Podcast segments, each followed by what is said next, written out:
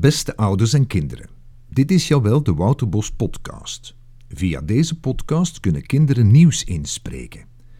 De kinderen kunnen deze podcast beluisteren in de klasse.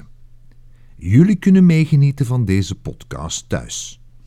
Wouterbos Podcast, de nieuwe radio op Wouterbos.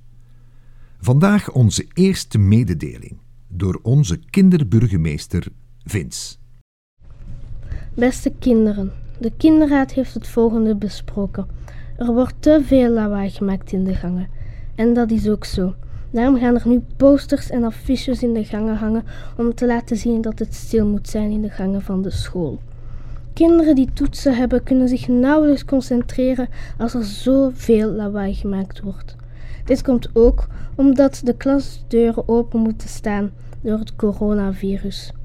Hopelijk hebben jullie deze boodschap goed begrepen en zullen jullie stiller zijn in de gangen. Er mag ook niet gelopen worden in de gangen, want dit is ook echt heel vervelend. We weten zeker dat jullie dit kunnen. Bedankt om te luisteren, de kinderburgemeesters.